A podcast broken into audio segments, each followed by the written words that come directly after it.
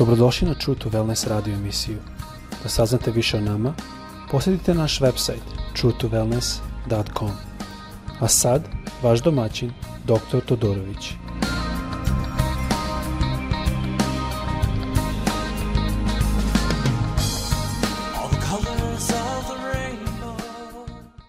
Ljubazni dobrodošli na naš podcast. Pozdravljam sve u ime Isusa Hrista koji je naš gospodar – i kome mi ovo sve radimo na slavu.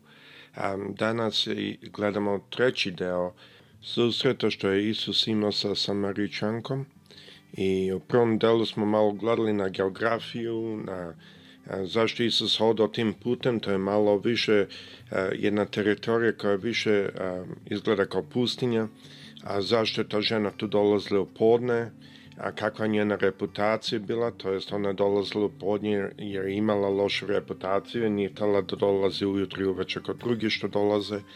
I onda smo gledali da Isus njoj rekao i pitao je da mu da da pije, ali to je samo bio početak i onda kad je ona um, pitala zašto ti judejin tražiš od mene, ja, ja sam maričanke, a to je za, zaista prilično duboko pitanje to ako gledati jer Judeji obično nismo raz, ni razgovarali sa, sa američanima, to je s muškarcima, a još manje u to doba sa ženom, jer žene to doba nisu dobro tretirane, a tek još manje sa ženom koja je poznata, a, kao što je ova žena bila poznata.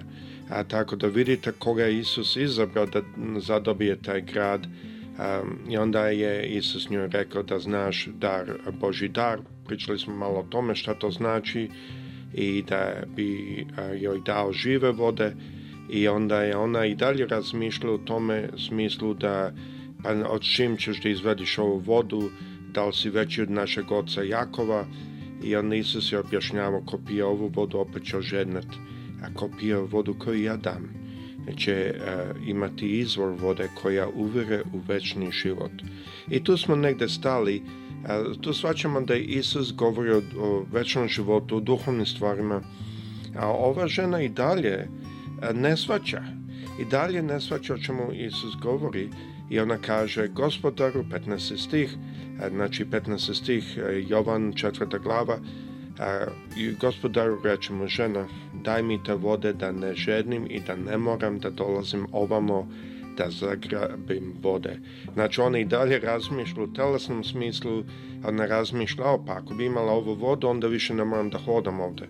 Zašto je teško njoj hodati? Well, ona hodila u sred dana. E, ovo je pustinja. Vrlo je vruće, sunce udara, nema hladovine nigde.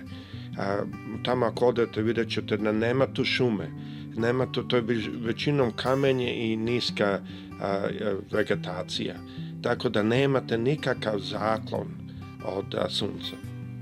Onda vidimo po njenoj reakciji da do sada ova žena je više možda igrala igre, a ovde sad kad je Isus njoj to rekao da može dati živu vodu, a ona je sada rekla želela da ima tu vodu, to je sada poslo ozbiljno, više nema igre reči, ona je svakako tela da ne mora više dolaziti, ali nažalost ona nije shvatila ovde Hrista kao spasitelja.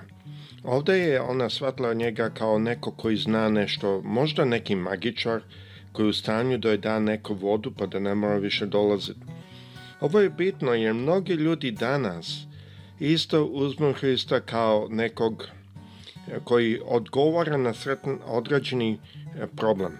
Znači, mnogo puta bude to neko koji a, meni treba iscelenje ili meni treba eh, finansijska pomoć ili a, eh, možda treba neko da me sačuva od, a, eh, od pakla, da ne idem u paklo, da mi da malo sigurnost tako da se ne plašim kad umrem.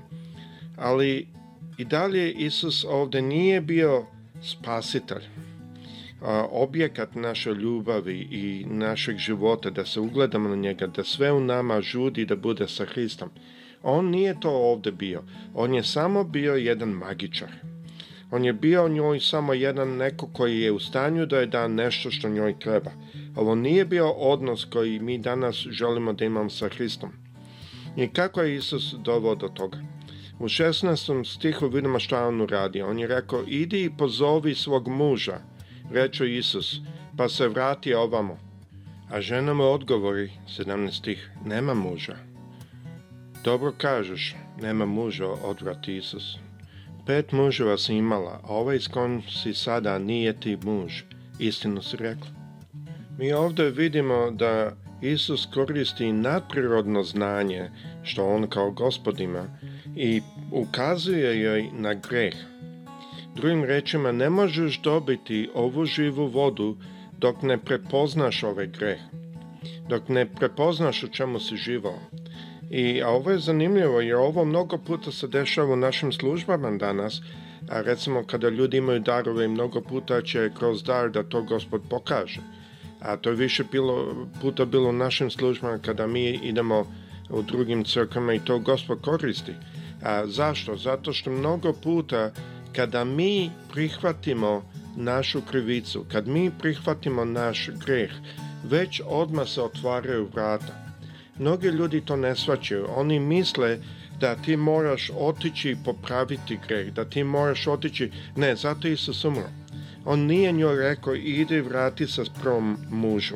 On nije njoj rekao, a, ne, ne, nastavi ostavi broj četiri muža, idi na broj tri ili broj dva, to je bio tvoj pravi muž. Ništa on nije tako što. On je samo rekao, dobro si rekla, ima si četiri, a ovaj s kim živi sada nije ti muž. Znači, ukazao je na greh. I čim je ona prihvatila to, čim je ona shvatila, gotovo je. Više nije spominjao to. I rekla je, gospodaru, reče žena, vidim da si prorok. Znači, ovde sada ona svača da ona ima posla s nekom koji je duhovni.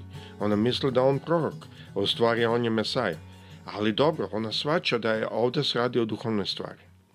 Kaže, vidim da si prorok. Naši pravci su se klanjali Bogu na ovoj gori, a vi judeji kažete da mu se treba klanjati u Jerusalimu.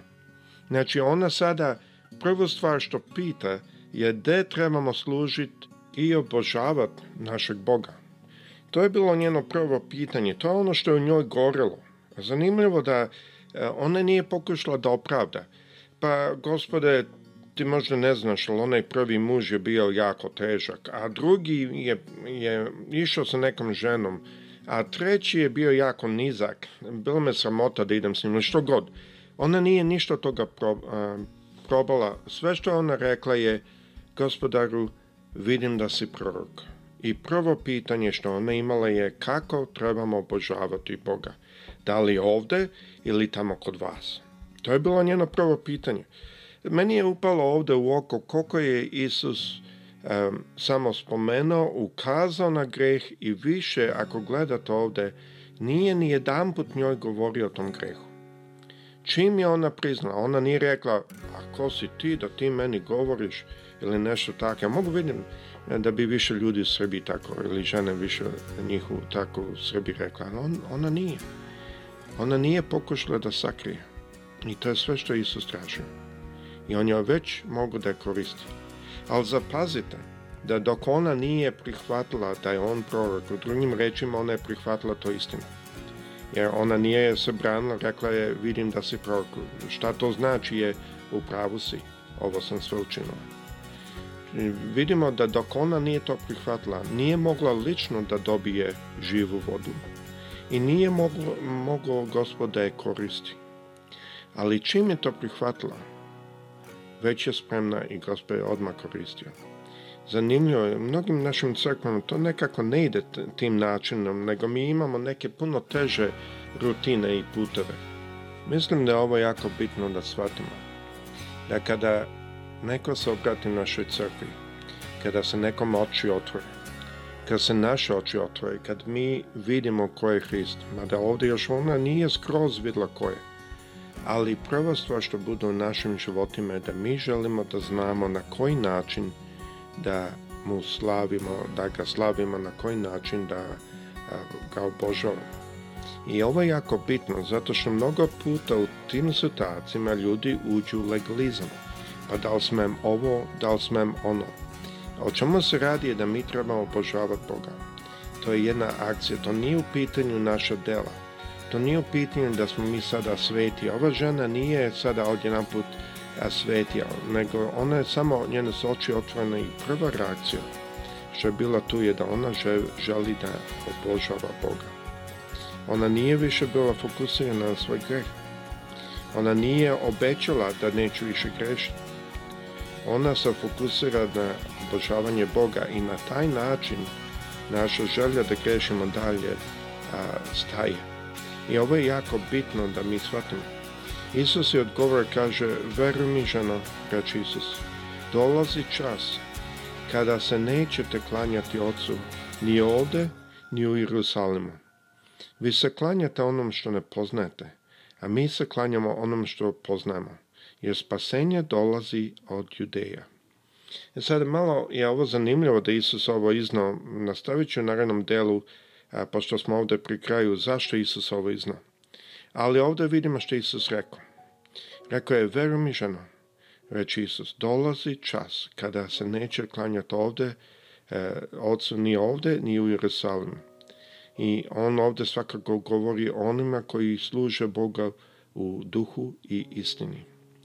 I moramo znati da je to cilj. To je ta živa voda kad mi možemo služiti našem gospodu u duhu i u istini. I ta dva imaju velika značenje, šta znači u duhu, šta znači istini.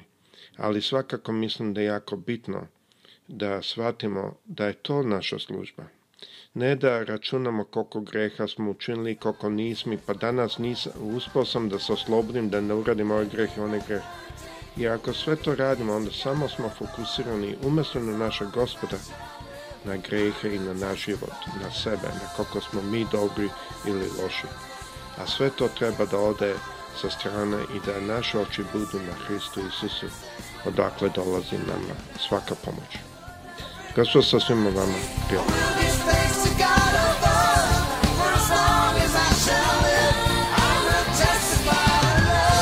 Slušate True to Wellness radio emisiju. Pridružite nam se ponovo svaki utorak, četvrtak i subotu. Za kontakt molimo posjetite naš website truetowellness.com. Naša email adresa je info at truetowellness.com.